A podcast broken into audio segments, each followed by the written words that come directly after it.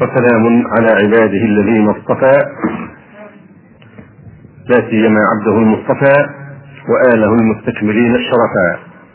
أما بعد فإن أصدق الحديث كتاب الله وأحسن الهدي هدي محمد صلى الله عليه وسلم وشر الأمور محدثاتها وكل محدثة بدعة وكل بدعة ضلالة وكل ضلالة في النار. ثم أما بعد فكنا قد استعرضنا في هذا البحث وهو آه، المعنون اعرف هذا العدو آه، تعرفنا على هذا العدو من خلال الأسماء التي أطلقت عليه. فتكلمنا عن العجل الفضي ومدرسة الإجرام وملوث البيئة الأخلاقية ومخرب البيوت وهاتف الأستار ومبيد الغيرة ومحرقة الحياء ومذبح العفة وناسف الشرف ومأدبة الشيطان وعدو الصحة الجسمية والنفسية والمخدر الكهربي وأفيون الشعوب والمستعمر الإلكتروني ورسول التغريب ومنبر الدعاة إلى جهنم ودجال العصر وغاسل المخ ومطفئ نور القلب والقوقعة الآثرة. آه، بقي الكلام آه، تحت آه، يعني عنوان الجيل التلفزيوني المنكوب. الجيل التلفزيوني المنكوب. ف كتب يعني واحد من أساتذة التاريخ الدكتور شاكر مصطفى.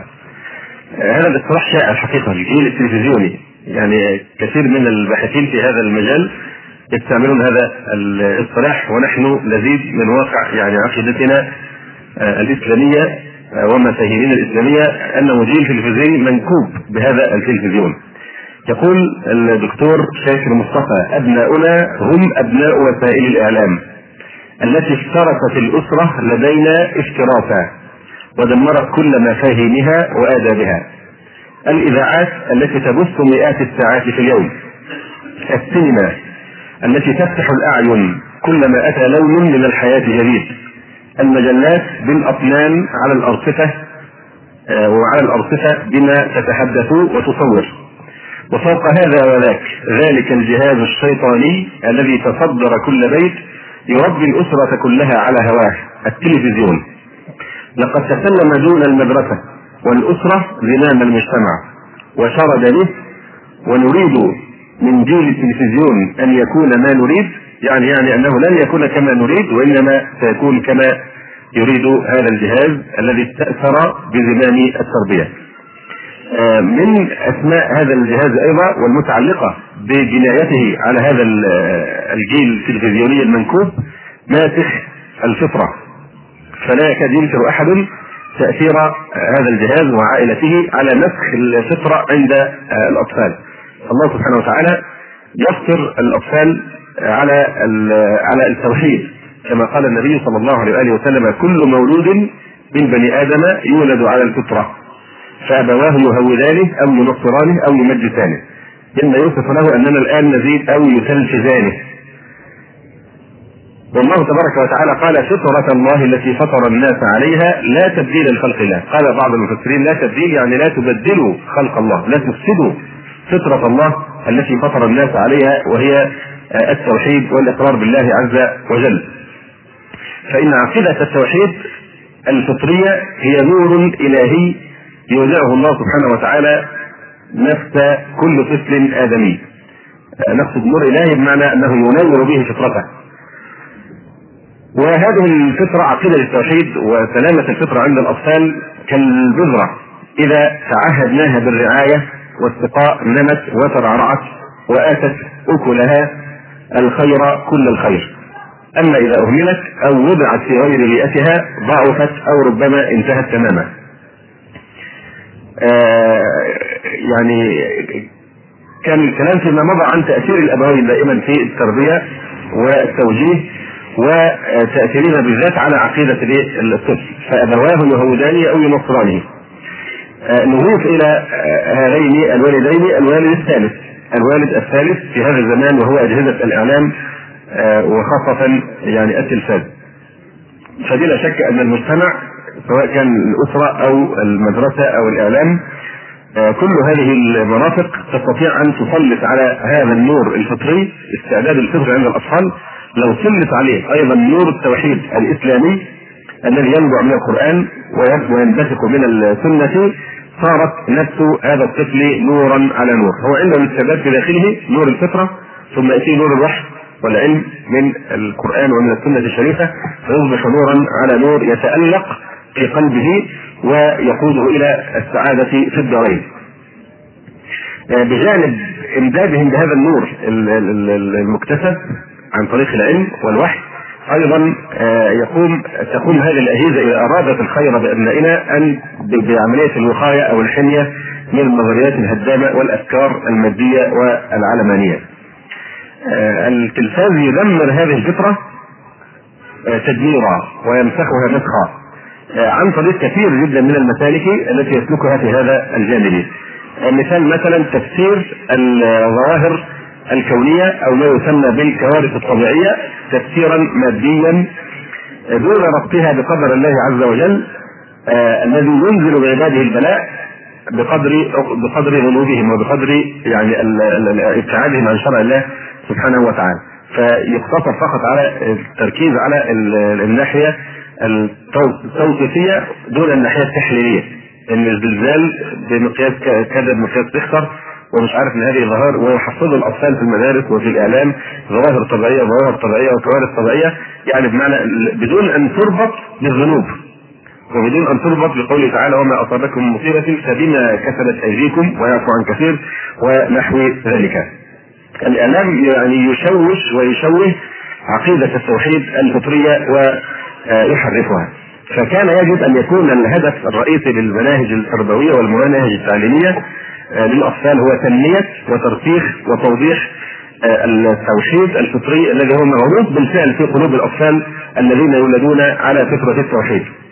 وبالتالي يستتبع هذا لو كانوا مخلصين أن يقدموا للأطفال آه، من خلال هذه البرامج تفسيرات للكون والحياة والوجود والإنسان وللأحداث الطبيعية أو الأحداث الكونية بأن ترجع جميعها إلى الفاعلية الإلهية وكون الله عز وجل هو خالق كل شيء. كذلك ربط النعم التي نعيش فيها والنعم التي اسبغها الله سبحانه وتعالى علينا ظاهرة وباطنة والخيرات آه، إلى عطاء الله عز وجل وفضله ونعمته على آه، عباده. طبعا هذا كله لا يكون. من خلال أيضا البرامج الأجنبية آه، التي تستورد والإنسان في الحقيقة لو كما نقرأ طبعا في البحوث حجم البرامج الأجنبية بالنسبة لشعب آه، يشترط في برلمانه آه، أن يكون العمال والفلاحين لهم نسبة 50% 50% من العمال والفلاحين آه، أو نصف البرلمان المفروض يكونوا من من هذه الفئة. هل ال 50% عمال وفلاحين دي هل هل هذه النسبة تتوائم مع كم البرامج الأجنبية الموجودة التي تتحدث بلغه ليست لغتين ليست لغتنا اللغة الأجنبية اللغات الإنجليزية أو غيرها بجانب أيضا يعني أن الأمر حتى إذا حصل نوع من الترجمة لهذه البرامج خاصة برامج الأطفال آه، وحصل تعريب لها فالأمر الخطير جدا هو أن الذي آه، التعريب يتناول فقط جانب تعريب اللغة. لكن المحتوى ثابت. المفاهيم المسمومة أو المنحرفة عن الإسلام أو المضادة للتوحيد موجودة في العربي أو في الإنجليزي. فالمحتوى ثابت. اللي حصل التغيير الذي حصل حصل فيه اللغة فقط للفقر بها إلى الناس فتصبح عربية اللسان لكنها غربية القلب كافرة المحتوى. وبالتالي تتسرب المفاهيم والقيم الجاهلية الغربية إلى عقول الأطفال وإلى آه، نفوسهم. فهو في الحقيقة يعني آه، تعريف وتغريب وتخريب آه، مثال من هذه الأمثلة ما من الأمور التي يولع بها الأطفال جدا يعني مسلسلات الكرتون كيف انها تعرض صورا آه، أو تصورا وثنيا لفكرة الألوهية من ناحية العنوان والشكل والمضمون وبصوره تجرح هذا التوحيد الفطري المغروس في نفوس آه، الأطفال. مثلا عرض في بعض البلاد كما جاء في بعض البحوث آه، ماذا يريد التربويون من الإعلاميين عرض فيلم عن الفضاء يتحدث عن عقل في مركز الكون يعزى إليه تنظيم الكون كله. البرنامج عن الفضاء. بيتكلم في عقل في مركز الكون هو الذي يتحكم في أمور الكون كلها. بلا شك هذا مما يخدش ويجرح التوحيد الفطري المغروق في نصوص هؤلاء الأطفال. أفلام أخرى كثيرة تتحدث عن كون كبير غير محكوم بالقدرة الإلهية أو محكوم بقوى شريرة وقوى خيرة. يتصارعان مع تجاهل القدرة الإلهية المدبرة لكل شيء في الكون. فيحصل تسريب لبعض العقائد الوثنية والشركية من خلال هذه البرامج. آه، مما قاله أحد المحاضرين في ندوة ماذا يريد التربويون من الاعلاميين آه، قول بعضهم من طريف ما سمعت هو مش طريف والحقيقة من المبكي آه، أن أحد الأطفال سأل والده هذا السؤال. قال له الله أكبر أم جرانديزر؟ يبدو أن جرانديزر دي حاجة بتيجي في البرامج فيها يعني إيه يضفون عليها صفات خارقة. تشتبه بصفات الإيه؟ الألوهية. فالولد نفسه بمنتهى البراءة بيسأل اباه من أكبر الله أم جرانديز أو جرانديزر أنا جرانديزر. آه أيضا جاء في آه هذه الندوة ندوة ماذا يريد التربويون من الإعلاميين؟ آه يقول الباحث للأسف في برامج التربية وبرامج الإعلام يربى الطفل غالبا على الولاء لغير الله عز وجل ولغير الإسلام. يربى على الولاء للأرض يربى على الولاء لوثن آخر جديد ربما هو السلام للعلم صباح مساء على الولاء للحاكم للسلطة. يربى على أمور كثيرة من هذا القبيل على الولاء للجنس والعصبية إلى غير ذلك. لكن هل هذه البرامج تنمي فيه الولاء لله ورسوله عليه السلام؟ المولاة للمؤمنين والمعاداة والبراءة من الكافرين طبعا هذا ما لا يتصور وجوده.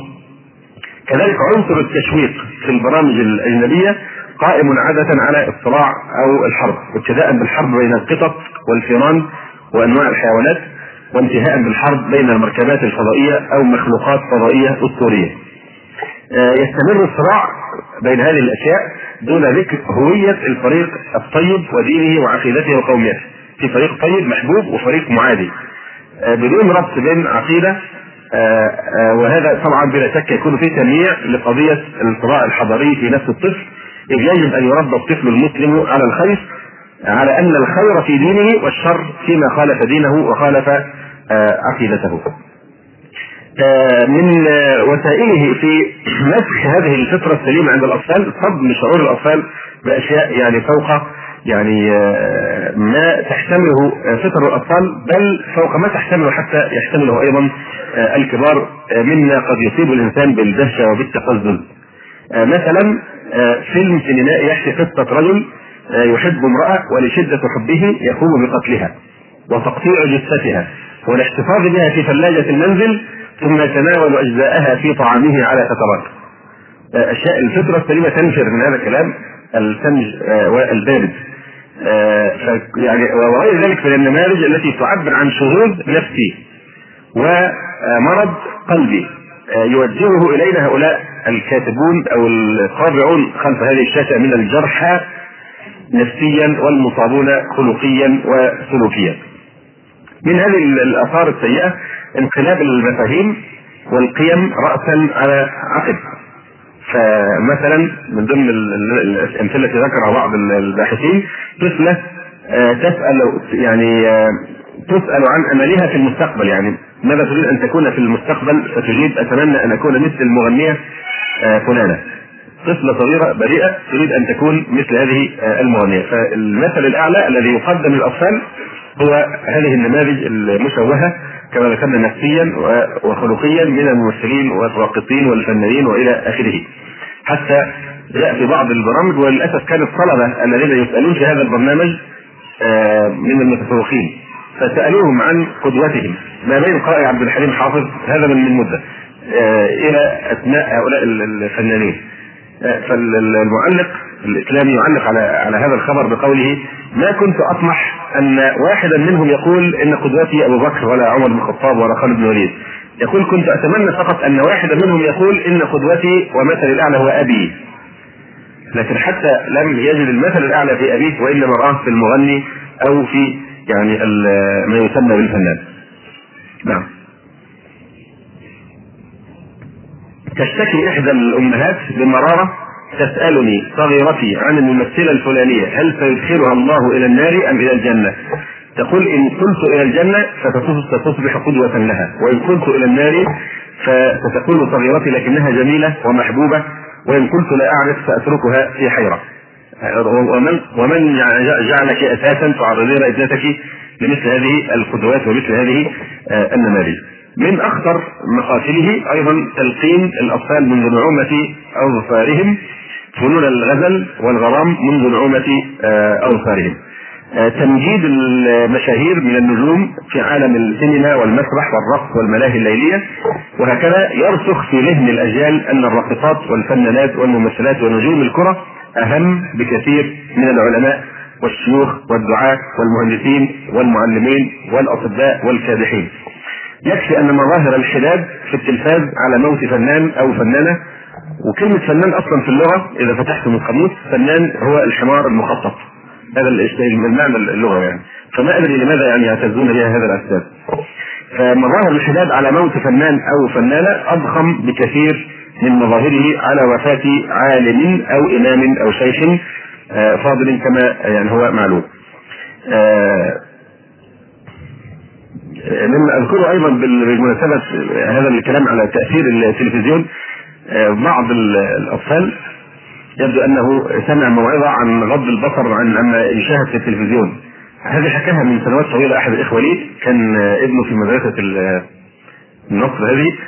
وبعدين كان موجود في مجلس أداء اجتماع وحصل هذه الحادثة. إحدى الأمهات جاءت تصرخ في المدرسة تقول ابني وأنتم تعلمونه التصرف وتفسدون ابني. من أين أتى هذا التصرف؟ لماذا؟ سألوها لماذا يعني أنت تشتكين؟ قالت الولد كل ما يجي منظر رقص أو هذه الأشياء المناظر في التلفزيون يعني يغض بصره. فمن الذي يعلم الولد هذا التصرف؟ إن الولد الصغير يغض بصره عما حرم الله سبحانه وتعالى. فالمدرسة طبعا آه، يعني اجتهد المسؤولون في تبرئتها من هذه التهمة الشريعه وحتى قال المسؤول وهو متحمس جدا ده المدرسة ملتزمة تماما بمنهج الوزارة. أيوة. الأمر الخطير الآخر طبعا أن الأطفال آه، يشاركون الكبار وده واقع في الحقيقة، الأطفال دائما يشاركون الكبار في البرامج الموجهة آه، إليهم ويتلقونها معهم في نفس الوقت. آه، لا شك إن هذا المفروض إن خطاب الموجه للاطفال غير يكون غير الموجه للكبار. إذا كانت أهداف الجهاز الإعلامي واحدة سواء بالنسبة للصغار أو الكبار وهي تعبيد الناس لربهم تبارك وتعالى لن تكون هناك مشكلة. هيكون المفروض الفرق بين الصغار والكبار في إيه؟ في الأسلوب فقط. في الأسلوب الذي يخاطب به كل فريق. فإذا قامت برامج الكبار على نفس الأهداف الاستراتيجية لبرامج الأطفال وتأسست كل البرامج على أساس القيم الإسلامية حينئذ كما كان لن يكون هناك اختلاف في الهدف وإنما سيقتصر الخلاف حول الأسلوب فما بالك إذا كان ال ال ال ال ال الهدف طبعا ليس هو تعديد الناس لربهم ولا آه، تنمية بذور التوحيد في قلوبهم وإنما الهدف يعني على طول خط مضاد لمفاهيم الإسلام ولفطرة آه، التوحيد.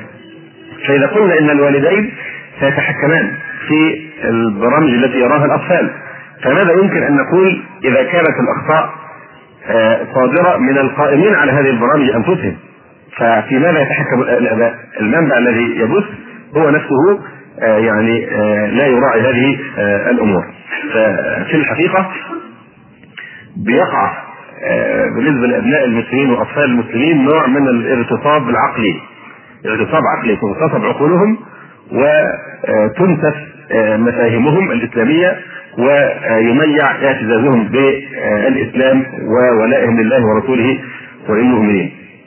آه، فالواجب يعني حماية هذه الناشئه التي نمسك نحن بزمامها اليوم.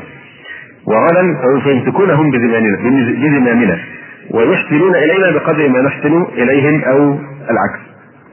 الله سبحانه وتعالى يقول لنا صبغة الله ومن أحسن من الله صبغة ونحن له عابدون.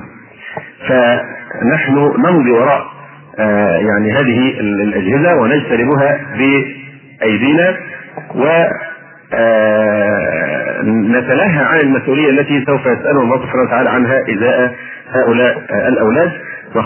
وأننا لم نقم آه، يعني بحق قوله تبارك وتعالى يا أيها الذين آمنوا قوا أنفسكم وأهليكم نارا وقودها الناس والحجارة. عليها ملائكة غلاظ شداد. لا يعصون الله ما أمرهم ويفعلون ما يؤمرون. آه لا شك أن المشاعر العظيمة التي اودعها الله سبحانه وتعالى في قلوب الابوين الحب الأولاد الرحمة بهم آه الرأفة العطف عليهم آه لا شك هذا له أعظم الأثر في آه تربية آه الأطفال وفي إعدادهم وفي آه تكوينهم. هل من الرحمة بابنك أو الرأفه به أن تأتي ببرميل من البنزين مثلا وتسكبه عليه وتشعل فيه عواد النيران مثلا؟ هل هذه تكون رحمة؟ لا يتصور ان ابا يفعل ذلك. لا نفعله نحن بابنائنا هو أشد من ذلك لأنها ليست نار الدنيا إنما هي نار فضلت على هذه النار ب 70 جزءا هي جزء من 70 جزءا من نار جهنم. ومع ذلك الأب يأتي هو بنفسه لأبنائه الشباب والمراهقين وبناته وأطفاله ونسائه آه، بهذه الفتن في عقر آه، داره ويتلهى وكأن الله سبحانه وتعالى لم يسأله عن آه، ذلك. فهي نار فظيعة مستعره وقودها الناس والحجارة. الناس فيها كالحجارة سواء في مهانة الحجارة وفي رقق الحجارة وفي قذف الحجارة دون اعتبار ولا عناية.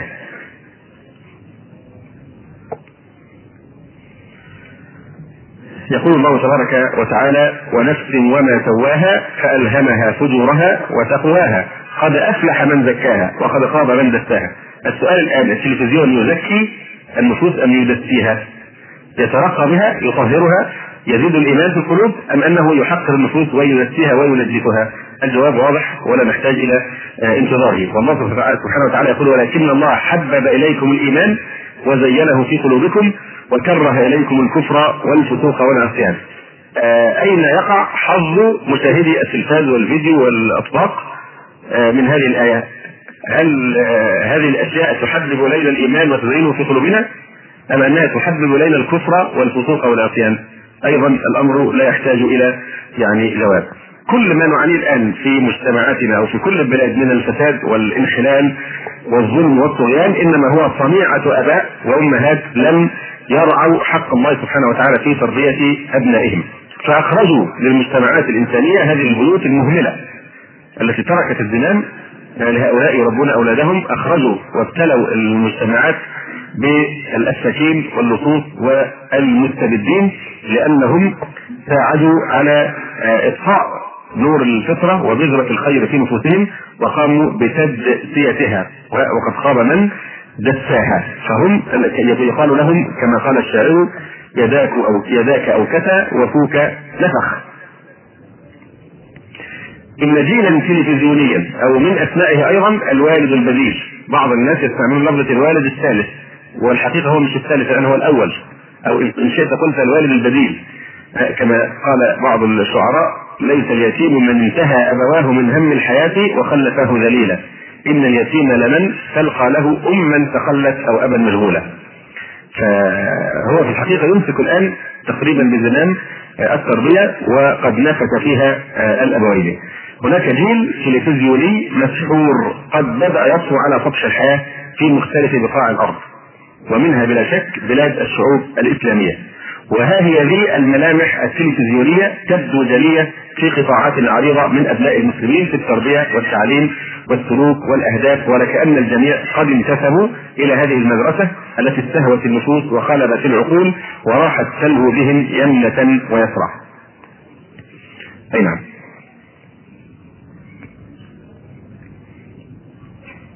أدرك كثير من العقلاء أن للتلفزيون والفيديو أثر أثرا محققا في إضاعة الجهود التربوية التي يناط بها المساهمة في بناء شخصية الطفل والمراهق والشاب على السواء لتكوين شخصية متوازنة متعادلة تستطيع مجابهة الصعاب وتحمل المسؤوليات وتشعر بحقوق الآخرين.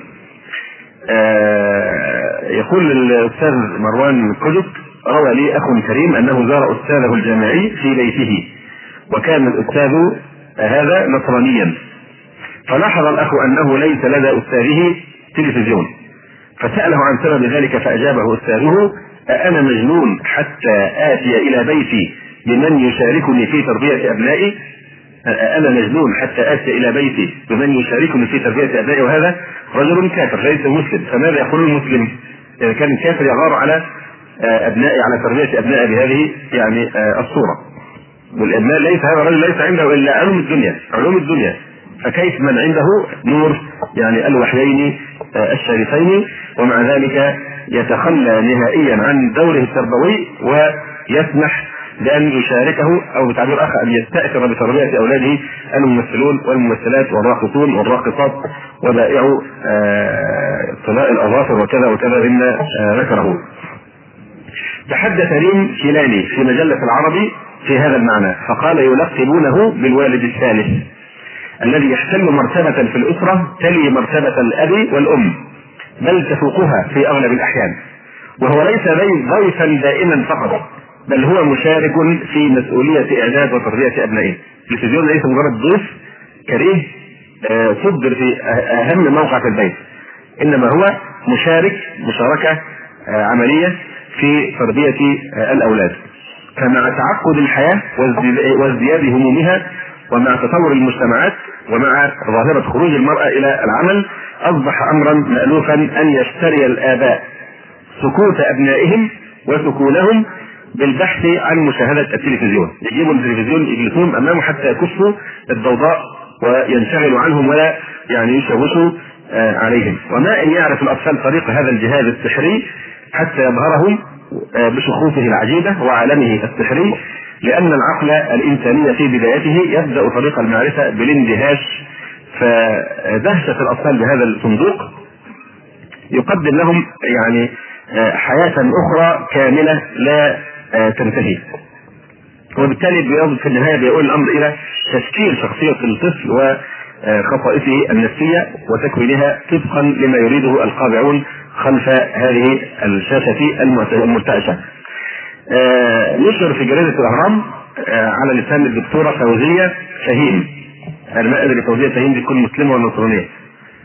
آه، على أي الأحوال هي وكيلة وزارة بالإذاعة والتلفزيون. في بحث ألقته حول التكامل بين الإعلام والتعليم من أجل تربية الطفل. تقول وهذا شاهد من أهلها. تقول يبرز دور وسائل الإعلام المسموعة والمرئية في نقل المعرفة والتربية في سن ما قبل المدرسة. حتى قيل إن الجيل الجديد يقوم على تنشئة ثلاثة هم الأب الأم والأب والأب والتلفزيون. ولهذا فإن ثبات المفاهيم التي تبثها الوسائل الإعلامية عبر الأثير وعلى الشاشة الصغيرة ضروري من الناحية التربوية والتعليمية. فمثلا عندما تشن وسائل الإعلام حملة ضد التدخين. ونجد الأفلام السينمائية والمسلسلات التي يعرضها التلفزيون مليئة بالمدخنين فأي رسالتين إعلاميتين يكون أكثر تاثيرا على نفسية الطفل وأيهما يصدق. كما أن برامج التلفزيون تعرض العنف والقسوة والسلوك المنحرف بدرجة خطيرة تؤكد أن المواجهة الأولى للطفل بالنسبة للعنف والسلوك الوحشي تحدث على شاشة التلفزيون. كذلك تمجد وسائل الإعلام نجوم السينما والمسرح والراقصات والمطربات. حتى قيل إن الملاهي الليليه هذا كلام واحدة مش متطرفه ده واحدة من كثر يعني إعجابهم باعتدالها عينوها وكيله وزاره في الإذاعة والتلفزيون. يعني هذا إيه من عقر ذلهم وشاهد من أهلها. آه، تقول آه، وسائل الإعلام آه، تمجد تمجد نجوم السينما والمسرح والراقصات والمطربات. حتى قيل إن الملاهي الليلية تنتقل يوميا إلى المنازل ويتشرب الأطفال أذواق الممثلين وأخلاق الممثلات. فأين هذا من القيم الدينية والأخلاقية التي يتلقاها الطفل في المدرسة ومن أبويه؟ والأم نفسها قد شوهت صورتها من خلال وسائل الإعلام. فمعظم الأفلام والمسلسلات تظهر المرأة بصورة تتنافى مع الواقع مثل الراقصه وبائعة الهوى وتاجرة المخدرات والخادمة التي تتزوج رب الأسرة والصغيرة التي آه، ترتبط منها في سن أبيها والأم التي تنافس ابنتها في آه، الحياة والزينة والإيقاع آه، بالرجال وقد ثبت للعلماء أن التلفزيون والسينما يدعوان الشباب صراحة إلى الحب والغزل والتدخين وشرب الخمر إلى آخر هذه العادات الضارة التي تمتلئ بها الأفلام السينمائية والمسلسلات التلفزيونية وخاصة المسلسلات الأجنبية. ويرى كثير من المربين وعلماء النفس أن تأثير التربية المدرسية على الأطفال أخذ في الانحسار يوما بعد يوم أمام التربية الموازية التي يتلقاها الطفل عن طريق وسائل الإعلام التي يزداد أثرها يوما بعد يوم. آه، خاصة عندما تجعل وسائل الإعلام من الثقافة والتعليم والمدارس والمدرسين مادة للضحك والاستهزاء كما حدث في مدرسة المشاغبين. انتهى كلام الدكتورة فوزية فهيم.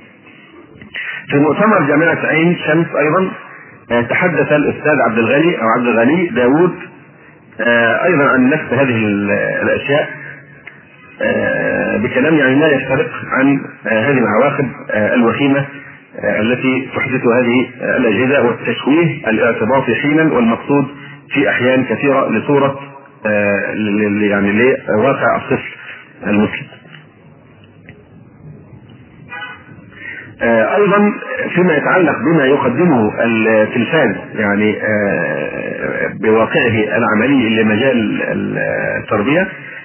إذا تأملنا سنجد أن التفاهة والاعتباط والسذاجه مظاهر مقصودة ولا تقل خطرا في أهدافها ونتائجها عن تلك البرامج ذات الأسلوب المباشر في الافساد الذي يقع الذي يفلت من الأسلوب المباشر يقع ضحية في الأسلوب غير المباشر عن طريق التفاهة المقصوده فالتفاهة في حد ذاتها يعني مقصوده آه، وتتضافر البرامج جميعا سواء مباشرة أو غير مباشرة على الوصول إلى الأهداف والمرامي من خلال صياغه محكمة بحيث تتلاقى على تحقيق المراد الأعظم منها وإن كانت تبدو أحيانا متناقضة بل إن مظاهر التناقض والتضاد هذه ليست إلا جزءا من النسيج العام وخيطا من خيوطه.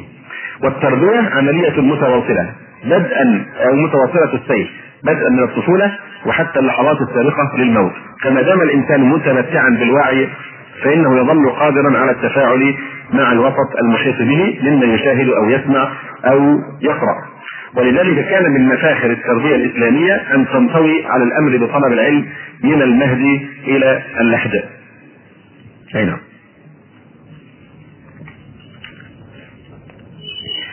آه، فالجهاز يعني قائم أساسا على إرضاء رغبات الجماهير. هو مش بهدف محدد وبيحاول أو مبدأ أو عقيدة أو دين يعني بيحاول أن يصوغ آه، البرامج حتى كلها تصب في خدمته آه، بل الجاي قائم على إرضاء رغبات الناس آه، والاهتمام بالتفاهات والبعد عن الأصالة وتكوين أجيال لا ترى في الحياة إلا هزلا ورقصا ومتعة وانصرافا عن التبعات الجسام التي تواجه الأمة المسلمة. آه، أيضا من هذه المظاهر مظاهر التخريب وإفساد الفطرة السليمة عند الأطفال تناقض المفاهيم، تناقض بين المفاهيم كالنموذج الذي ذكرته هذه الدكتورة وهو آه، يعني قد يأتي واحد يحذر من التدخين ويأتي بعد ذلك إعلان عن آه، التدخين. لا أدري هل موجوده الآن الاعلانات هذه ام توقفت يعني. آه، من أمثلة ذلك تناقض مثلا بين برنامج ديني يدعو إلى مكارم الأخلاق ومحاسن السلوك وبرنامج آخر في نفس القناة يريد ما يسمونه فن الباليه ويحض عليه بل لا يتوانى مقدم هذا هذا البرنامج عن شرح فوائد هذا الرقص واثره في النفس والجسم. بطريقة تفوق ما قدمه صاحب البرنامج الديني. بل لا يتورع هذا الحقيق الرهيب عن استحضار أطفال وطفلات لم يجري بعد عليهم القلم يبرهنون للمشاهدين أن مدربهم الحاذق الماهر جعل منهم رايات خفاقة لوطن ظل محروما زمنا طويلا من البطولة منذ أحرق طارق بن زياد سفائنه على مرأى من تراب الأندلس. فهو الآن جاب لنا أبطال من برعومة أبطالهم لكن آه ليس مثل هذه البطولة بطولة طارق بن زياد وصلاح الدين الأيوبي وخالد بن الوليد إنما هي بطولة آه الباليه. من مظاهر ذلك يعني الافساد الأخلاقي في تربيه الأطفال والتناقض. أبوه يعني يقول كذب كبيرة ويعاقبه على الكذب وينفره منه. ثم يأتي إعلان مثلا عن طفل يعطيه أخوه آه، شقيقه شقيقه زجاجة مياه غازية ليحتفظ بها ويحذره ويحذره من شربها. فماء يستدير الاخ حتى يشربها الطفل الصغير. وعندما يعود أخوه ليسأله يجيبه ببساطة إنها تبخرت. يعني درس في كيفية الكذب آه، واستلاحة هذا الكذب آه الذي آه وبالتالي تتناقض القيم التي يتلقاها من الأب أو من المدرس مع هذه القيم يعني التي يهدمها إعلان مثل هذا. ناهيك عن إفساد اللغة إما عن طريق النطق المنحرف أو طريقة الإلقاء أو اللحن حتى في نطق الحروف آه، خاصة يعني بعض الكتاب بيكتب أمثلة مما حصل من بعض المذيعات واحيانا تقول أعضاء بدل ما تقول أعضاء النادي الدولي تقول أعداء النادي الدولي بالدال. آه، يعني آه، هذا من أستاذ اللغة. آه، بجانب اللغة التافهة والسطحية والمعاني الغثة واللغة العامية بل السوقيه الهابطة في ابشع صورها وأحط عبارتها. يعني الأولاد بيتعرفوا يبقى الأب قاعد يربيه ويحفظه من الشارع ويختار له أصدقاء. بحيث يتجنب اصدقاء السوء ويجتهد في انفاق الاموال حتى يحميه من الفساد. ثم في التلفزيون الولد بيذهب إلى اوكار المخدرات بيسمع عباراتهم وألفاظهم والفنان لازم يكون صادق في التعبير عن الواقع كما يزعمون. عشان يعبر عن الواقع يعرض الفساد كله. فبيستعمل ألفاظ المدمنين نفس عباراتهم عشان يكون فنان معبر عن الواقع. فالولد يسمع ألفاظ وللأسف الشديد يعني في إحدى المدارس حكى لي أحد الإخوة بعض الإخوة المدرسين دخلوا على الاطفال الصغار لقوهم جايبين الطباشير وطحنين الطباشير عشان يبقى زي البودرة. أطفال صغار في حضانة أو شيء من وللأسف يعني أنا أقول المدرسة يعني المفروض إنها بتربي الأطفال يعني. فالأولاد هنا في في, في هذا الجزء من الكف موضع بيسموه في التشريح السناف بوكس لو انسان. المهم مش هنعلمكم عن الطريقة يعني هم بيعملوا الصندوق معين هنا كده بحيث يحطوا فيه البودرة وبيشموها بهذه الطريقة فالأولاد اللي المدرس داخل عليهم وجدهم طحنوا الطباشير وحاطينه وبيعملوا الطباشير زي البودرة في هذا الموضع وبيشمموه أو بيشموه لبعض من أين تعلموا هذا؟ هل أبوه بيعمل كده؟ هيجيبها منين هذه؟ جابوها كلهم من التلفزيون فأنت بتاخد بتحميم اللحيه وفي نفس الوقت تعرضه لكل أماكن الفساد وياخد خبرة في كل يعني سواء للبنات أو آه، للصبيان. كلهم يتعلمون هذا الفساد على مرأى ومسمع من الآباء. أي عقل هل هؤلاء الناس باقي عندهم عقول؟ اللي بيستخدموا إن إحنا بنهاجم التلفزيون أو نحذر منه آه، كان هم على حق وان إحنا ناس شاذين ناس من يعني منحدثين في مفاهيمنا ومتطرفين و... آه، لماذا؟ لأنه اشرب في قلبه حب العجل الفضي واشربوا في قلوبهم العجلة. وسبق فيهم قول النبي عليه الصلاة والسلام وقلب وقال فأي قلب أشربها نكتت فيه نكتة سوداء حتى تعود القلوب إلى قلبين قلب أسود مرتدا كالكوز مجخيا لا يعرف معروفا ولا يملك منكرا إلا ما أشرب من هواه. فالحاكم هو الهوى لا العقل ولا الشرع ولا يعني الفطرة. أي نعم. حتى إن بعض الباحثين بيذكر أن سب الأب وسب الأم أصبح سمه رئيسية للحوار الذي يضحك المشاهدين. إن الواحد يسب أبوه أو يسب اللي بيشتم بالاب أو يعني بالأم وهي لغة يعني فجه وبذيئة تتداول على مرأى ومسمع من الرجال والنساء والأسر بكاملها. يسمعون مثل هذه الأشياء ويجترئون على يعني سماعها. وأعتقد أننا إذا سألنا ضحايا العجل الفضي فاسألوهم إن كانوا ينطقون سوف ينطقون إن كانوا صادقين بأن كل ما نحكيه ليس افتراء ولا من واقع من نتيجة الخيال وإنما واقع يعيشه ولعل ما عندهم الآن آه، أكثر مما آه، نحكيه. يقول التربويون إن الإعلام طبل أجوف يجمع الأطفال حوله كما كان يفعل الحواة والقردات وصندوق الدنيا ولا يعني رجال الإعلام في شيء أن يستفيد هؤلاء الأطفال أو لا يستفيدوا. بل ربما عملوا على الانحراف بهم عن جادة الصواب. المهم أن يكونوا جمهورا لأجهزتهم المدمرة. وأعتقد أن الأمر لو وقف عند هذا الحد يبقى أخف. آه، لكن هناك عقول تدبر هناك أعداء هناك يهود هناك آه، نصارى هناك أعداء الأمة الذين يريدون التخريب والتدمير وإشغال الشباب آه، بالتافه وتخريب الأجيال القديمة بحيث ما تقوى على المقاومة. حين يراد لإسرائيل الكبرى أن آه، تمتد آه، من النيل إلى الفرات. كما قلنا من قبل إحنا الناس كرمة الكرم العربي الأصيل طلبوا من النيل الفرات إحنا الآن بنعطيهم من المحيط إلى آه، الخليج. من أشد مخاطر هذه الأجهزة وهذه العائلة التلفزيونية التنبيه المبكر أو التسبب في النضج المبكر يعني في جانب الشهوات بالنسبة للمراهقين وبالنسبة أيضا للأطفال. آه، يهدف التلفزيون والفيديو آه، من وراء هذا هذا النوع من التجارة إلى يعني الاستغلال المادي الحرام مقابل هذه الخدمات الخاضعة ثانيا السيطرة على الأجيال وتعبيدها آه، للغرائز الدنيا والشهوات الرخيصة قبل أن تصل إلى سن النضوج العقلي والنفسي فتصبح السيطرة عليها عند النضوج صعبة أو مستحيلة.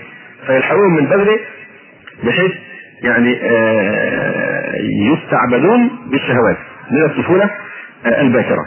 وبلا شك هناك مخاطر شديدة جدا من الاستيقاظ المبكر لهذا الجانب خاصة في الأطفال. ثم جاء الفيديو طبعا معاونا للتلفزيون ليكون عاملا فعالا في إذكاء الشهوات الدنيئة. ووسيلة فاقت كل الوسائل المعهودة قديما وحديثا في حمل الشر وتزيينه وإيصاله إلى كل ركن وزاوية وأضحى كالعصا السحرية التي تستطيع استخراج ما في الجيوب بطواعية ويسر فأصحاب العقائد الفاسدة والأفكار الشاذة اعتبروا هذا الجهاز كالطلقات الممهدة التي تسبق هجومهم الكافح على الحق وأهله ولذلك تهافتوا على إنتاج وترويج أحق الأفلام التي تحرك الأحاسيس الرخيصة وتهدم الأخلاق وتهزأ بالقيم وتسوق الجميع سوق قطعان الماشية على دروب الرذيلة والانشطاط.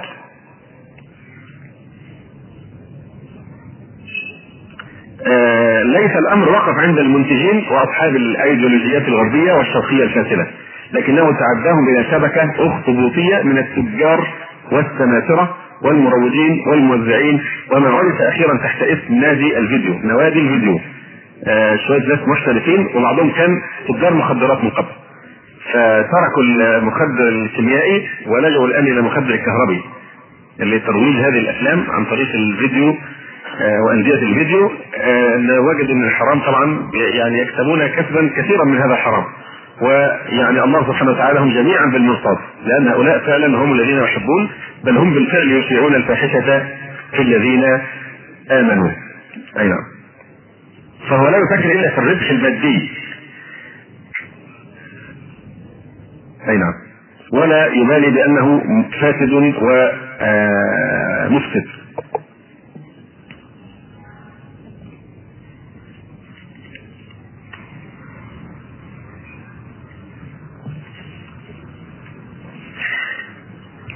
من ناحيه شهاده الواقع وطبعا نحن يعني كما قلنا من قبل الواحد مضطر حتى في كلام كثير الإنسان يتحرج يقوله في المسجد أو حتى خارج المسجد ولكن نحتاج أحيانا الإنسان يحتاج أن تمسك بيديه وتضع يديه على مكامن الخطر بأوضح صورة وبلا شك أن الأمثلة تجسد هذا الهدف يعني.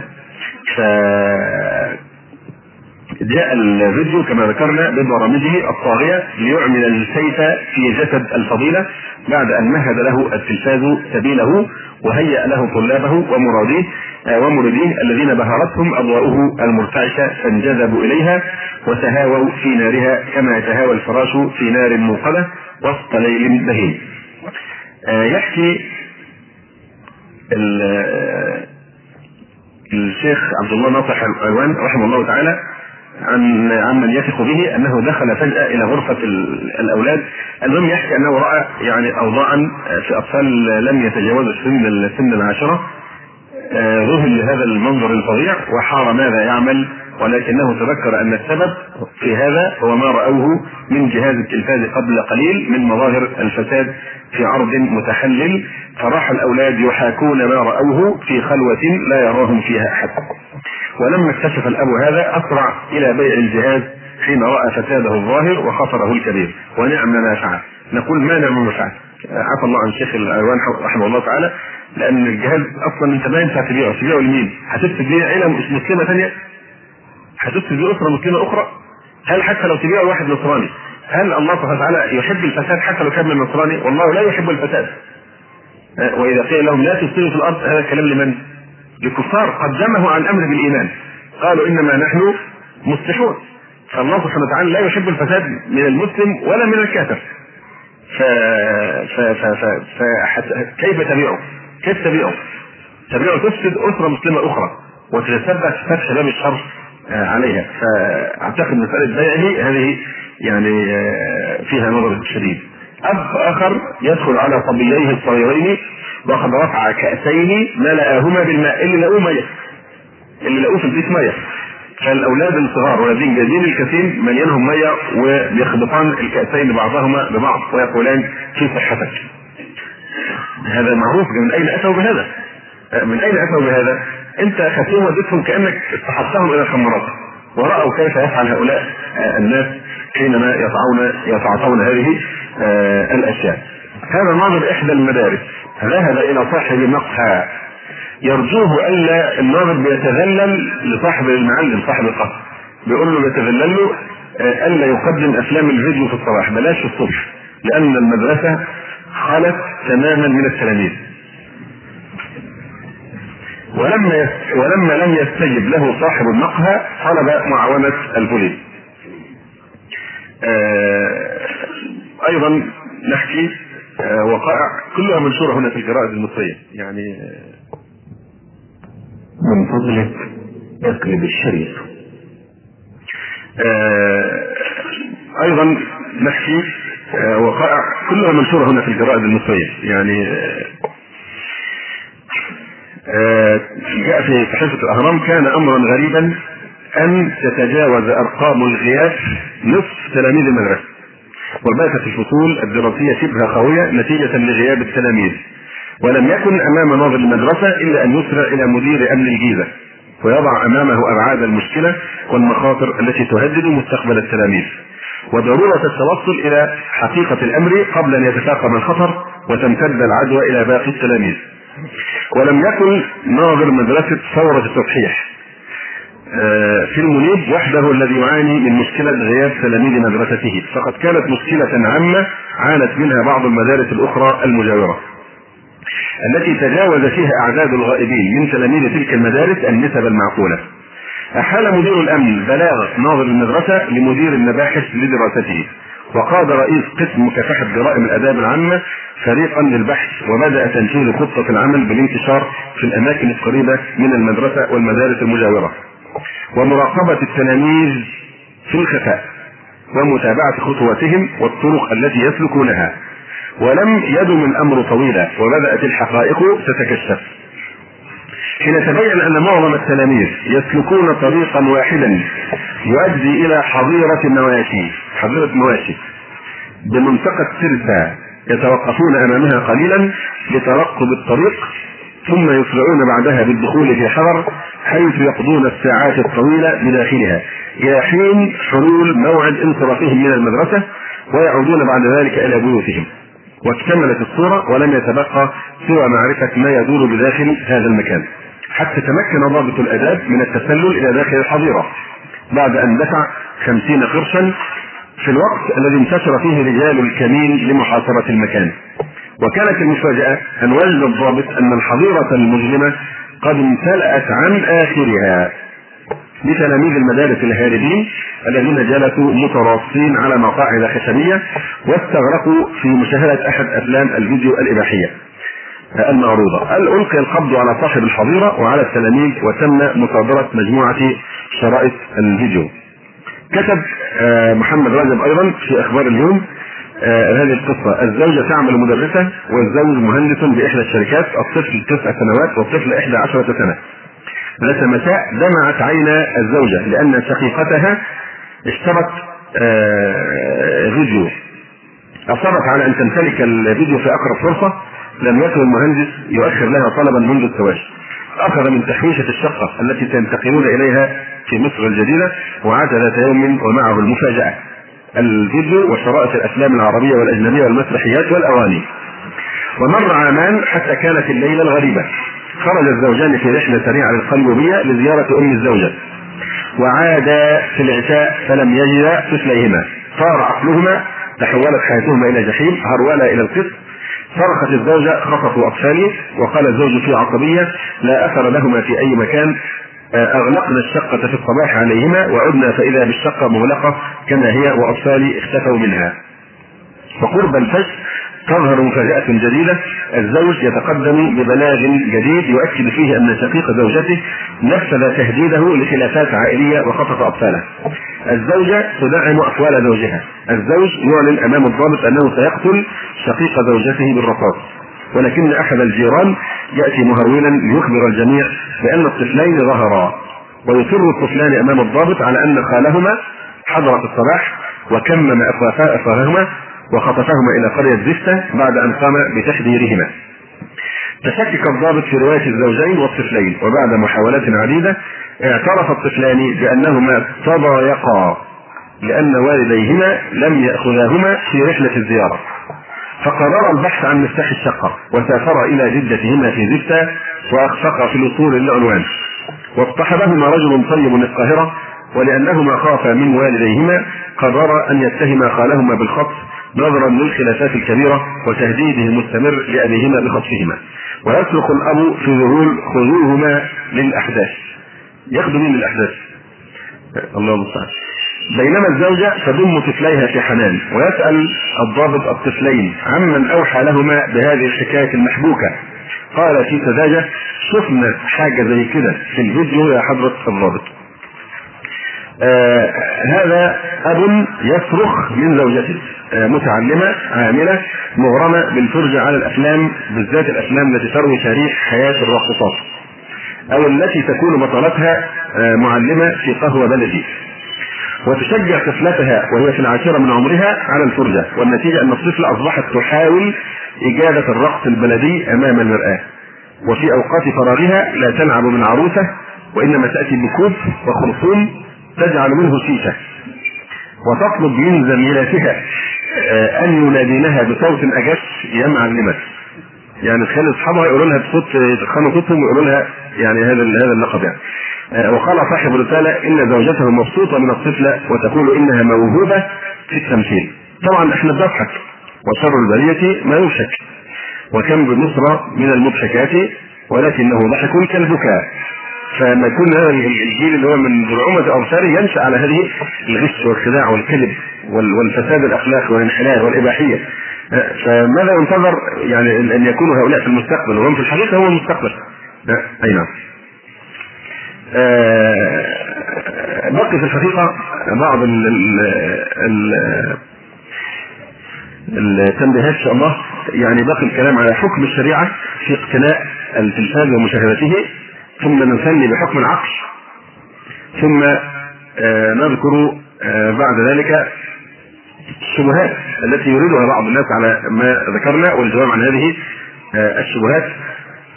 سنبدأ وهناك يعني وحل مشكلة الفيديو والتلفاز إن شاء الله تعالى.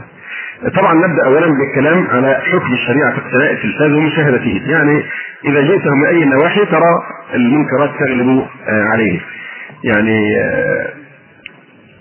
النظر إلى ما حرم الله سبحانه وتعالى من الصور وخاصه صور النساء الفاتنات المفتونات الغناء والموسيقى والرقص عدم إنكار المنكر مع قدرة الإنسان على أن يجتنب هذا المنكر ويزيله. كفر نعمة الله سبحانه وتعالى في المال حيث ينفقه في هذه المعاصي. إهدار الوقت في غير طاعة بل في معصية.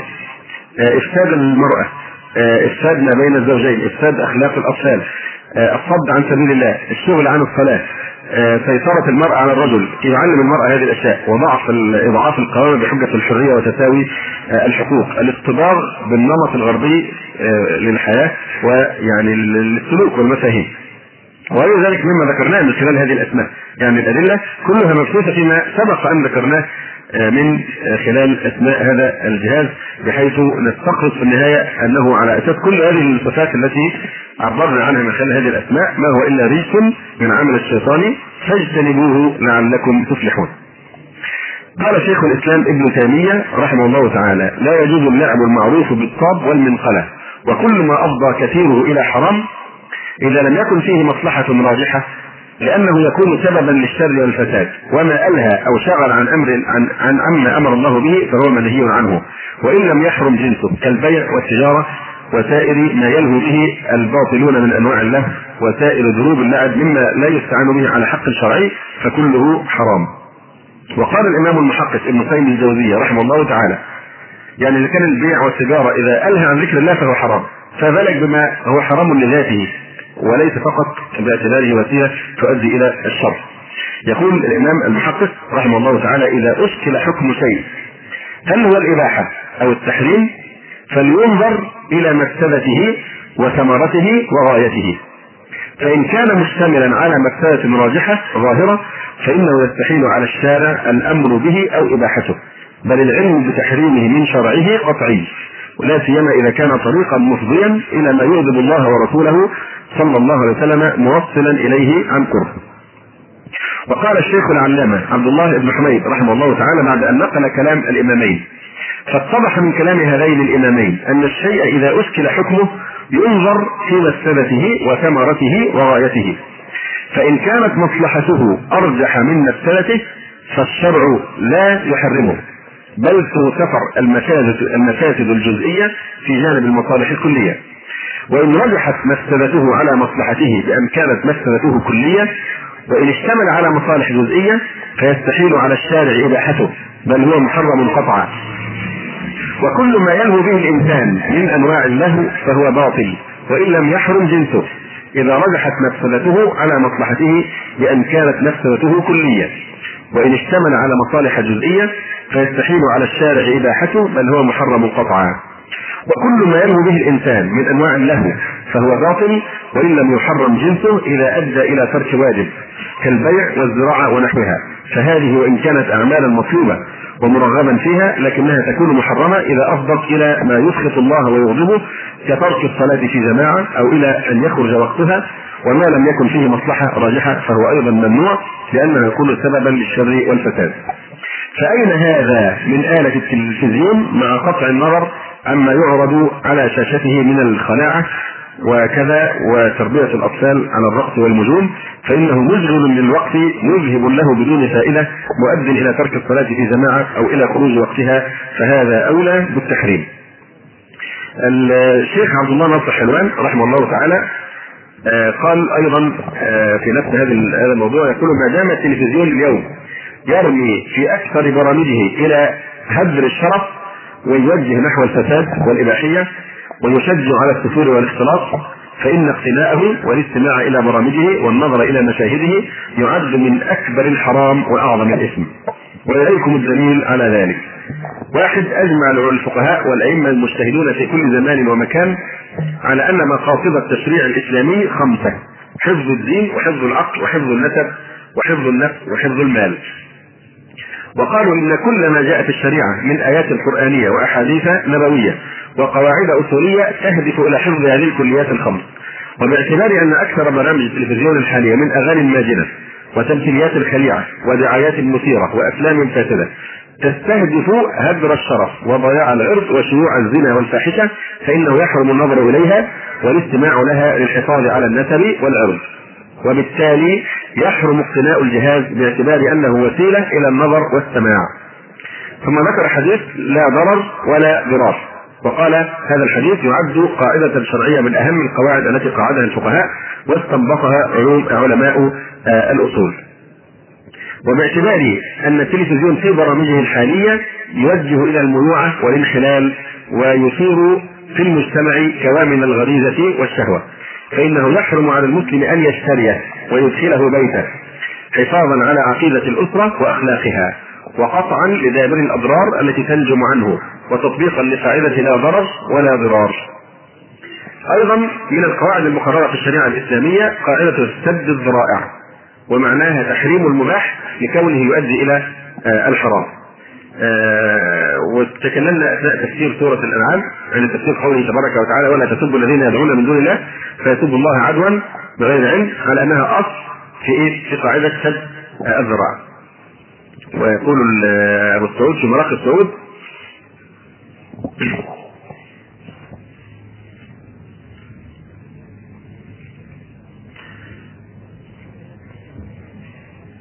سد الذرائع إلى المحرم حتم كفتحها إلى المنحتمين.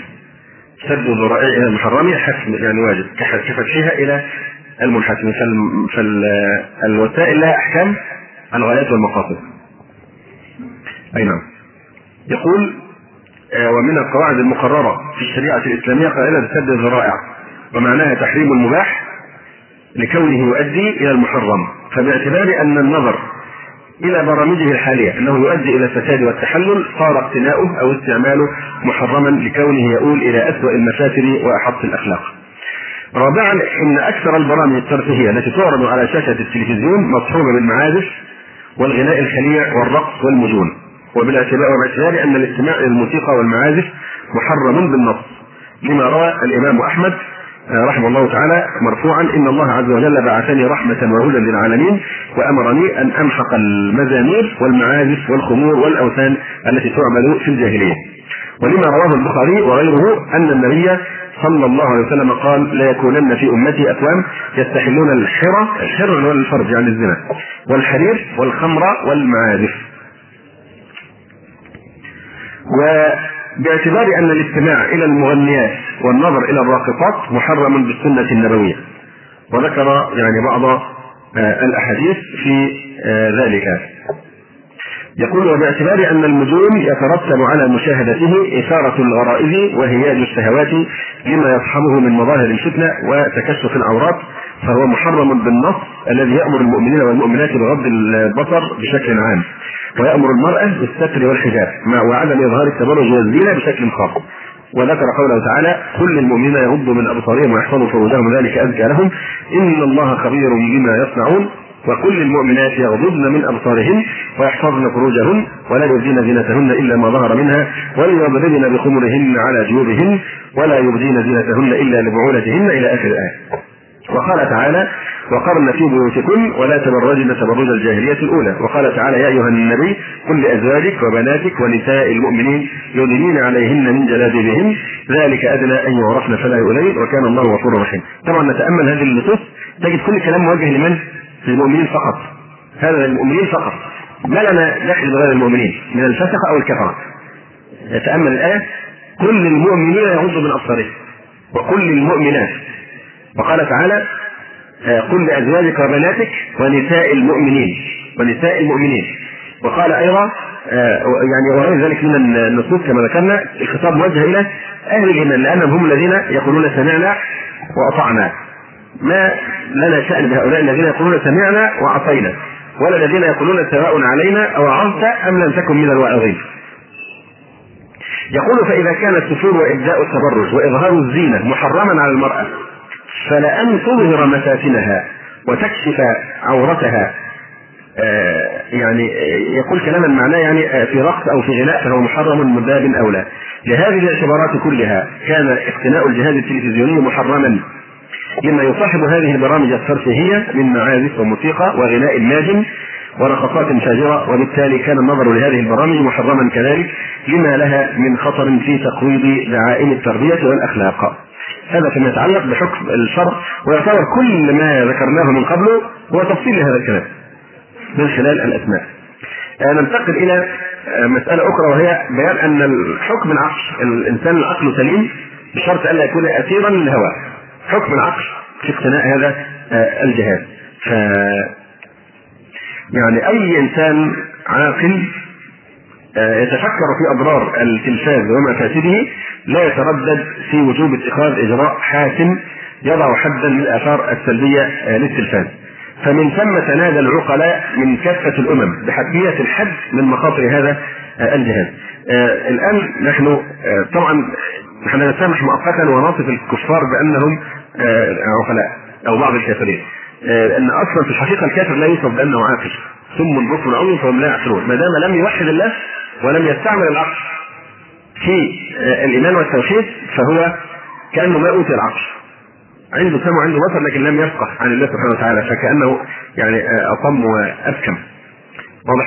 لكن نحن نقول بمعنى أن الله أعطاه الآلة الآلة. ونريد أن نقول يعني إذا كان هؤلاء كفار وبمجرد إعمال عقولهم في أضرار هذا الجهاز توصلوا إلى هذا الكلام فكيف ينبغي أن يكون موقف المؤمنين والموحدين فنحن نقول ذلك حتى يستحي المؤمنون ويستحي آه، يعني المصدقون بالوحيين آه، الشريفين. فهذا سهم كما يقولون رماه الأقربون وهؤلاء شهداء من آه، يعني أهلها. والله تعالى يقول وشهد شاهد من أهلها. فنحن نريد أن نبين أن خطر هذا الجهاز حقيقة يدركها حتى العقلاء العقلاء حتى من غير؟ يعني المسلمين الذين لا يمكن أن يصفهم الإعلام في بلادنا بانهم متطرفون. دي ناس كفار وناس خواجات ويهود ونصارى يعني ناس محترمين عند القوم ليسوا متطرفين أمثالنا.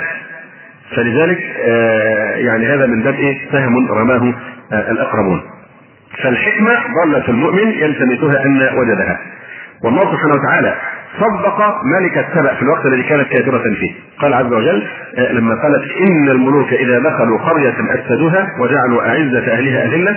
قال تعالى وكذلك يفعلون. صدقها. واضح. والنبي صلى الله عليه وسلم قال في الشيطان الذي نصح أبا هريرة لما قبض عليه وهو يسلك من الصدقة آه ونصحه قال يعني انصحك بنصيحة وتتركني تطلقني فعلمه أن يقرأ سورة الكرسي عند النوم فإنه لا يقربك شيطان.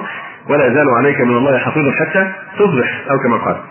فلما أخبر النبي صلى الله عليه وسلم بذلك قال له صدقك وهو كذوب. صدقك وهو كذوب. ويقول الشاعر لا تحترن الرأي وهو موافق. حكم الصواب إذا أتى من ناقص فالذر وهو أعز شيء يقتنى ما حط قيمته هوان الغائط. فهؤلاء القوم الكفار كانوا أسبق منا في تجربة هذا الجهاز والابتلاء به. ومع أنهم نحوا الدين عن حياتهم فإنهم آه، وعقلاءهم يقفون منه اليوم موقفا حازما بالنظر إلى أضراره المتحققة في الدنيا فكيف بمن يدين بدين الحق الذي يحرم كثيرا من المنكرات التي لا يقيم لها هؤلاء الكفار اعتبارا ولا وزنا. آه، من الزعماء الكفار الغربيين من راود بني ذلته يعني هو حاول يحارب التلفزيون ما استطاعش غير إن هو يعني راود بني ذلته على التخصص من الانقياد خلف التلفاز ولو لفترة محددة. نشد هيلموت سميث ده مستشار ألمانيا الغربيه السابق. نشد الآباء والأمهات أن يغلقوا أجهزة التلفزيون على الأقل يوما واحدا خلال الأسبوع. وقد رفض هذا يعني بيحاول انهم يخففوا يخففوا بقدر المستطاع فبيلح على شعبه إن يوم واحد في الأسبوع يكف عن هذا الإدمان. رفض رئيس جمهورية فنزويلا أن يسمح بإدخال التلفزيون الملون إلى بلاده زاعما أنه سيكون دافعا جديدا لزيادة الروح الاستهلاكية الممقوته ورغم أنه اعترف أن لا فائدة فلا بد أن يصل التلفزيون الملون إلى بلده إلا أنه هنأ نفسه على قدرته على تأخير وصوله لمدة خمس سنوات. يقول على الأقل استطعت أن أعطل دخوله خمس سنوات. طلبت مجلة الاقتصاد البيروتية كل أب وكل أم أن يتناولوا مطرقة ضخمة ويحصنوا بها كل ما لديهم من أجهزة تلفزيونية. ده بناء على إيه؟ بناء على الأخطار الإشعاعية التي تترتب على العائله التلفزيونيه واضح؟ اقترحت باحثة الاجتماع جوان أندرسون ويلكنز برنامجا للامتناع عن مشاهدة التلفزيون. لأن كما من قبل هم تعاملوا معاه كأي نوع من الإدمان الانسحاب المفاجئ آه سيأتي بآثار خطيرة وضارة فبالتالي زي بالضبط ما البرامج اللي تعمل للمدمنين عملوا لمدمني التلفاز آه برامج للتخفيف والتخلص من أثره تدريجيا فهذه الباحثة ويكند اقترحت برنامجا للامتناع عن مشاهدة التلفزيون يستغرق أربعة أسابيع في كتابها كيف تتغلب على عادة مشاهدة التلفزيون. في الأسبوع الأول على الإنسان أن يراقب نفسه ويكتب عدد الساعات التي يجلس خلالها أمام شاشة التلفزيون والبرامج التي يراها. واحدة واحدة بتتدرج معه. يكتب فقط الحاجات وكم ساعة بيجلس وبيشوف برامج إيه. في الأسبوع الثاني يستمر في المشاهدة آه، تحس فعلا إن هي انت بتتعامل مع الأسير اللي وقع في التلفزيون إنه إنسان تايه مدمن مش حاسس بنفسه فبتحاول الأول تدربه على إنه يحس بنفسه في الأسبوع الأول كل يوم يجلس زي ما هو ما تقولوش ما تجلسش. واضح لكن يكتب بس يسجل عشان يراجع نفسه. يكتب الساعات اللي بيجلسها والبرامج التي يمر بها في الأسبوع الثاني يستمر في المشاهدة كما هو لكن بعين ناحده سيقوم البرامج التي يراها. هل فيها تشريع أم عنف أم فواحش أم إلى آخره؟ في الأسبوع الثالث تمتنع الأسرة كلها هنا علاج جماعي كل الأسرة. عن مشاهدة البرامج ثلاثة أيام من أيام الدراسة وتحدد ساعات معينة للمشاهده في الأيام الأربعة الباقية. في الأسبوع الرابع يكون الامتناع تماما عن مشاهدة التلفزيون فيخفى الجهاز أو يقطع عنه التيار الكهربائي. أو تفصل عنه البطارية ولا تشترى المجلات التي تنشر البرامج وتمزق الصفحة التي تحتوي البرامج في الصحف اليومية أو يمتنع المرء عن قراءتها وإذا كانت هناك حلقات اعتادت الأسرة مشاهدتها فمن الأفضل مغادرة البيت في أوقاتها وتنصح الكاتبة بعدئذ بالانضمام إلى ناد وممارسة حرفة أو هواية أو صناعة آه يعني صناعة لعب الأطفال بدل من شراء لعب الأطفال ينشغلون به يعني صناعتها. طبعا هذا آه كله يعني يؤكد إن إيه آه يعني من التخلص من الاسد يكون صعبا جدا لمن وقع فيه. من أشجع وأقوى صرخات المطالبين بالتخلص من التلفاز بسبب اليأس من إصلاحه ما ذهب إليه الكاتب الأمريكي جيري مندر في كتاب له يدعى أربع مناقشات في إلغاء التلفزيون. من أقوى الكتب في الصد عن التلفزيون. أربع مناقشات موجود باللغة العربية مترجم وموجود في المكاتب. مكتبات. أودع هذا الكتاب خلاصة تجربته في حقل الإعلام والتي امتدت 15 عاما. قال جيري مندر ربما لا نستطيع أن نفعل أي شيء ضد الهندسة الوراثية والقنابل النيوترونية ولكننا نستطيع أن نقول لا للتلفزيون ونستطيع أن نلقي بأجهزتنا في مقلب الزبالة حيث يجب أن تكون. إن التلفزيون لا يتقبل الإصلاح عادة. إن مشاكله كامنة في التقنية نفسها تماما كما أن العنف كامل في البنادق. ولا يستطيع خبراء التلفزيون تغيير ما يمكن أن يخلفه الجهاز من تأثيرات على مشاهديه. هذه التأثيرات الواقعة على الجسد والعقل لا تنفصل عن تجربة المشاهد. ثم يقول إنني لا أتخيل إلا عالما مليئا بالفائدة عندما أتخيل عالما بدون تلفزيون. إنما نفقده سيعوض عنه أكثر بواسطة احتكاك البشري أكثر وبواسطة إنارة أكبر للعقول وبعث جديد للبحث والنشاط الذاتي. وحكى الأستاذ مروان كدو كما قلت لكم من قبل أن صديقا له زار أستاذه الجامعية في بيته أستاذ نصراني فلاحظ أنه ليس لديه تلفزيون فساله عن سبب ذلك فقال له أأنا مجنون حتى آتي إلى بيتي بمن يشاركني في تربية أبنائي فلا عجب اذا أن تلتقي فتاوى علماء الشريعة الإسلامية الذين ينطلقون من عقيدة صحيحة وفطرة سليمة وعقل صريح ونقل صحيح مع رأي بعض الكافرين الذين انطلقوا لا من وحي إلهي وإنما من خلال بقايا رصيد الفطرة بين جوانحهم وبسيط العقل في قلوبهم والحرص على صالح أمتهم. بل العجب كل العجب ممن ينتسبون إلى الإسلام ولما يصلوا إلى هذه النتيجة التي هدي إليها هؤلاء الكافرون. مع أن التلفاز بالنسبة إلى كثير منهم لا يهدم دينا ولا يتعارض مع عقيدة ولا يزعج لهم شريعة اذ لا دين عندهم ولا عقيدة ولا شريعة. إنها الفتنة التي عمت فأعمت ورمت القلوب فأضلت. عن أبي موسى رضي الله تعالى عنه قال قال رسول الله صلى الله عليه وسلم إن بين يدي الساعة الهرج. قالوا وما الهرج؟ قال القتل. إنه ليس بقتلكم المشركين ولكن قتل بعضكم بعضا حتى يقتل الرجل جاره ويقتل أخاه ويقتل عمه ويقتل ابن عمه. قالوا ومعنا عقولنا يومئذ ومعنا عقولنا يومئذ. قال إنه لتنزع عقول أهل ذلك الزمان وما ويخلص له هباء من الناس يحسب أكثرهم أنهم على شيء وليسوا على شيء. آه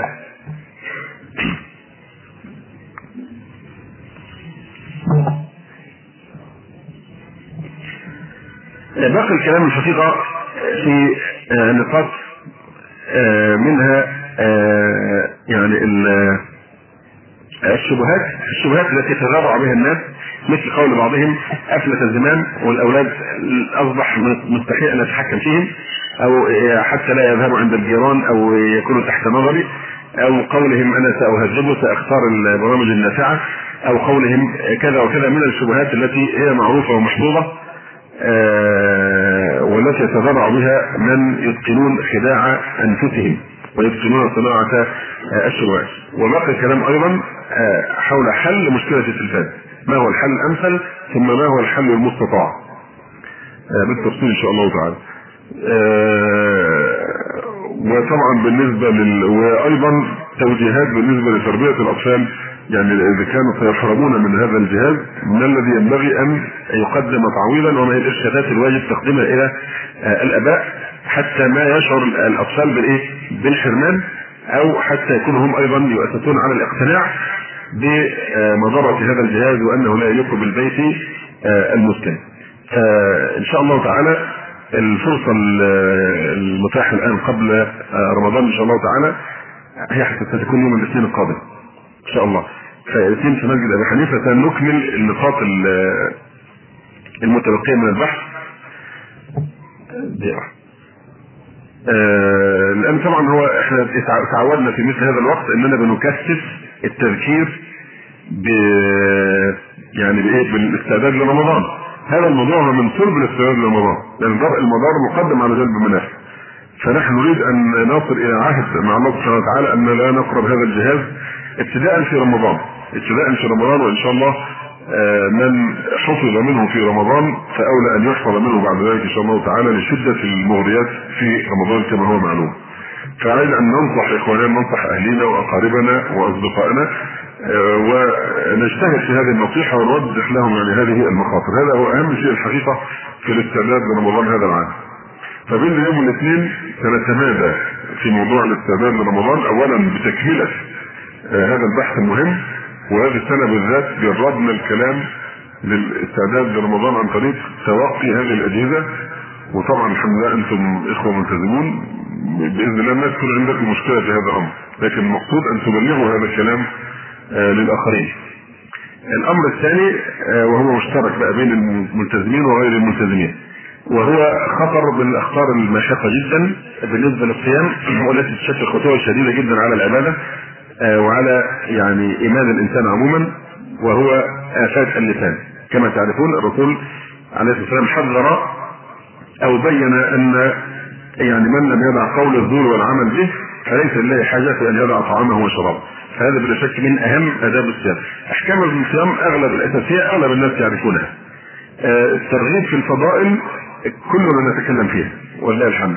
لكن هذا الموضوع نريد أن نعطيه حقه آه، بحيث أيضا نستأنف يعني توبة آه، جديدة في تقويم اللسان. سنفصل جواب تفصيلا مهما جدا. أنا يعني اعتذر اني أنا لا احب ان أنا اعلن عن محاضراتي أو ان ارغب لكن أحيانا يتحتم علي النصيحة إبراء للذمة كما حصل في الأسبوع الماضي في محاضرة حرمة العلماء الوقت ضيق وما نستطيع ان إحنا نكدس كل الموضوعات في يوم الخميس خاصة اننا نتوقف في رمضان فانا بضطر إلى أن أنبهكم من باب النصيحة فقط أن كي أؤدي ما علي وأنتم الأمر يرجع إلى استطاعتكم.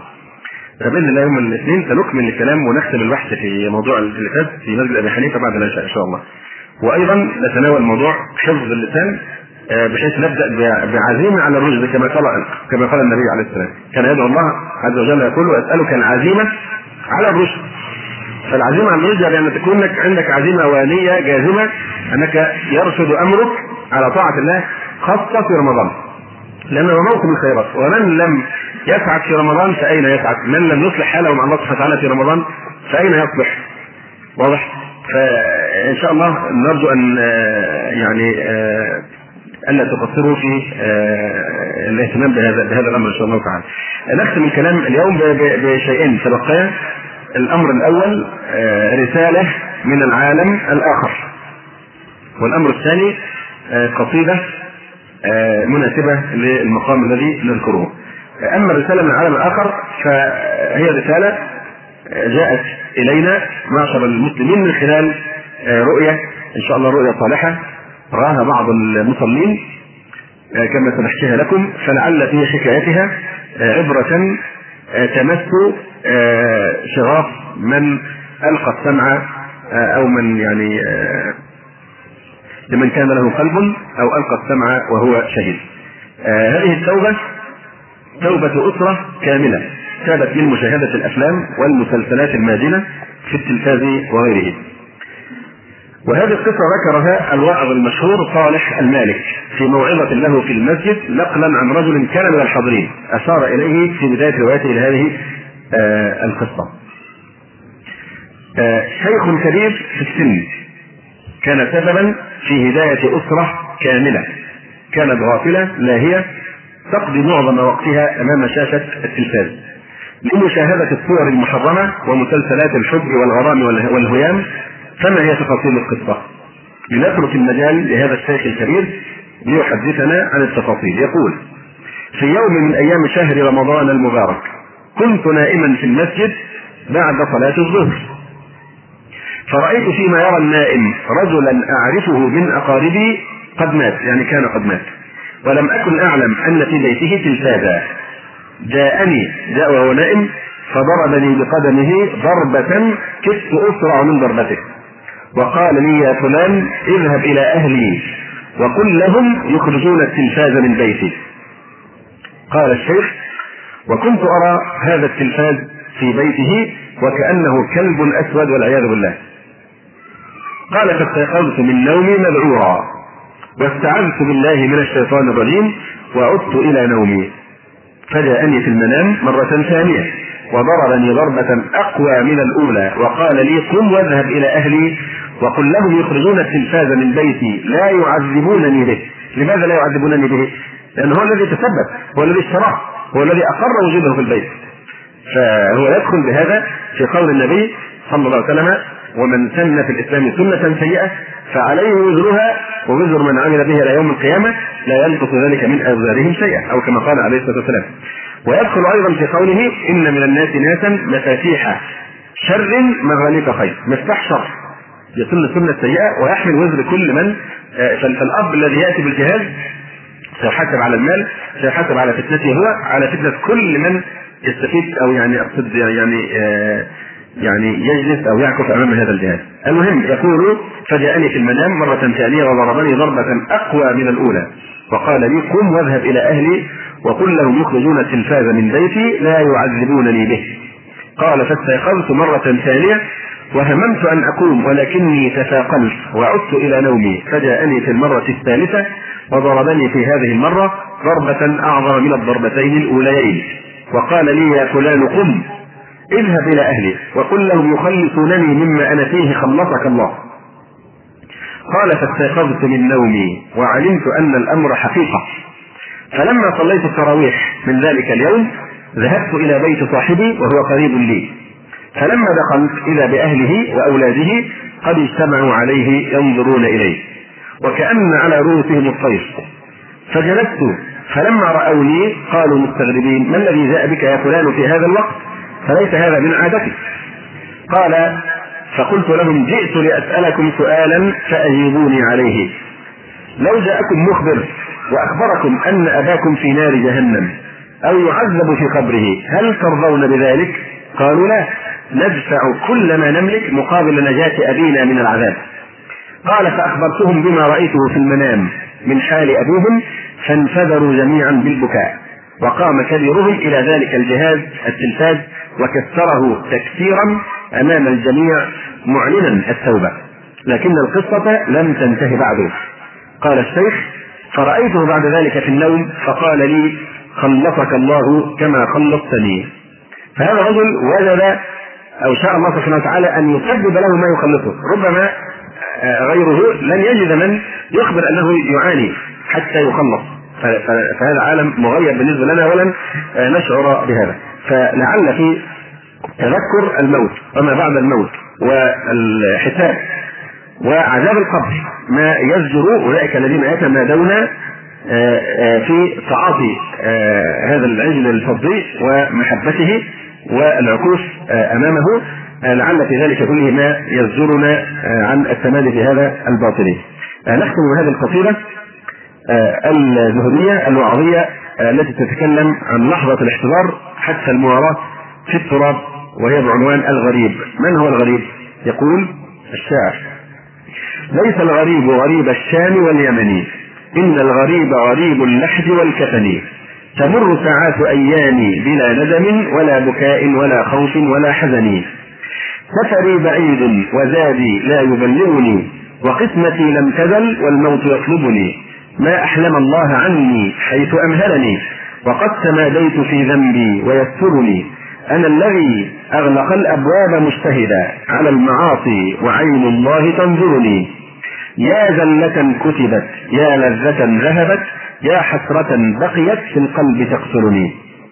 دع عنك عزلي يا من كان يعزلني لو كنت تعلم ما بي كنت تعذرني.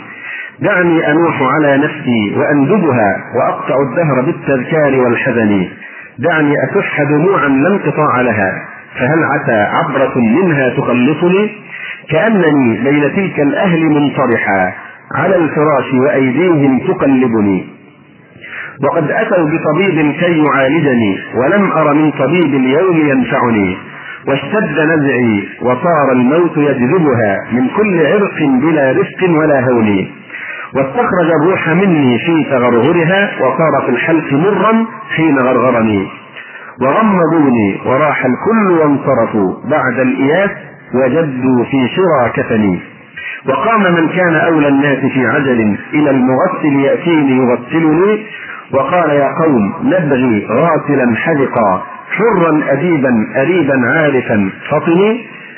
فجاءني رجل منهم تجردني من الثياب وأعراني وأفردني وأطرحوني على الألواح منفردا وصار فوقي خرير الماء ينزفني وأسكب الماء من فوقي وغسلني غسلا ثلاثا ونادى القوم بالكفن وقدموني إلى المحراب وانصرفوا خلف الإمام فصلى ثم ودعني صلوا علي صلاة لا ركوع لها ولا سجود لعل الله يرحمني وأنزلوني في قبري على مهل وأنزلوا واحدا منهم يلحدني. وكشف الثوب عن وجهي لينظرني وأسبل الدمع من عينيه أغرقني. فقام محتزنا بالعزم مشتملا وصفت اللبن من فوقي وفارقني وقال هلوا عليه التراب واغتنموا حسن الثواب من الرحمن ذي المنن وأودعوني ولجوا في سؤالهم. ما لي سواك إلهي من يخلصني في ظلمة القبر لا أم هناك ولا أب شفيق ولا أخ ليؤنسني. وأودعوني ولجوا في سوء الهموم. ما لي سواك إلهي من يخلصني وهالني صورة في العين إذ نظرت من هول مطلع ما قد كان أدهشني. من منكر ونكير ما أقل لهما إذ هالني منهما ما كان أفزعني. فمن علي بعفو منك يا أملي فإني موثق بالذنب مرتهني فقاسم الأهل مالي بعد ما انصرفوا. وصار وزري على ظهري فأثقلني. فلا تغرنك الدنيا وزينتها وانظر إلى فعلها في الأهل والوطن. وانظر إلى من حوى الدنيا بأجمعها. هل راح منها بغير الزاد والكفن؟ خذ القناعة من دنياك وارض بها. ولو لم يكن لك إلا راحة البدن يا نفس كفي عن العصيان واكتسبي. فعلا جميلا لعل الله يرحمني. أقول قولي هذا وأستغفر الله لي ولكم. سبحانك اللهم ربنا وبحمدك. أشهد أن لا إله إلا أنت. أستغفرك وأتوب إليك. بإذن الله تعالى غدا إن شاء الله تعالى بعد صلاة العشاء في مسجد أولياء الرحمن في الغيط الصعيدي حفل زواج ابنة أستاذنا وشيخنا الأخ الفاضل الشيخ قطب صادق. رحمه الله تعالى. والشيخ قطب نعم. الجمعة. طيب الأسبوع القادم إن شاء الله. بعد صلاة العشاء زواج ابنة الشيخ قطب صادق رحمه الله تعالى لعل يعني عدد كبير ممكن تتلمذ على الشيخ قطب الذي توفي من أقل من 18 سنة رحمه الله تعالى ومعروف يعني دور الشيخ قطب وفضله على الدعوة وعلى خدمة يعني الإسلام. فندعو جميع الإخوة إن شاء الله بالحضور. مش الجمعة اللي هي غدا يوم الجمعة الأسبوع القادم إن شاء الله بعد صلاة العشاء في مسجد أولياء الرحمن في الغيط السعيدي السلام عليكم ورحمة الله وبركاته.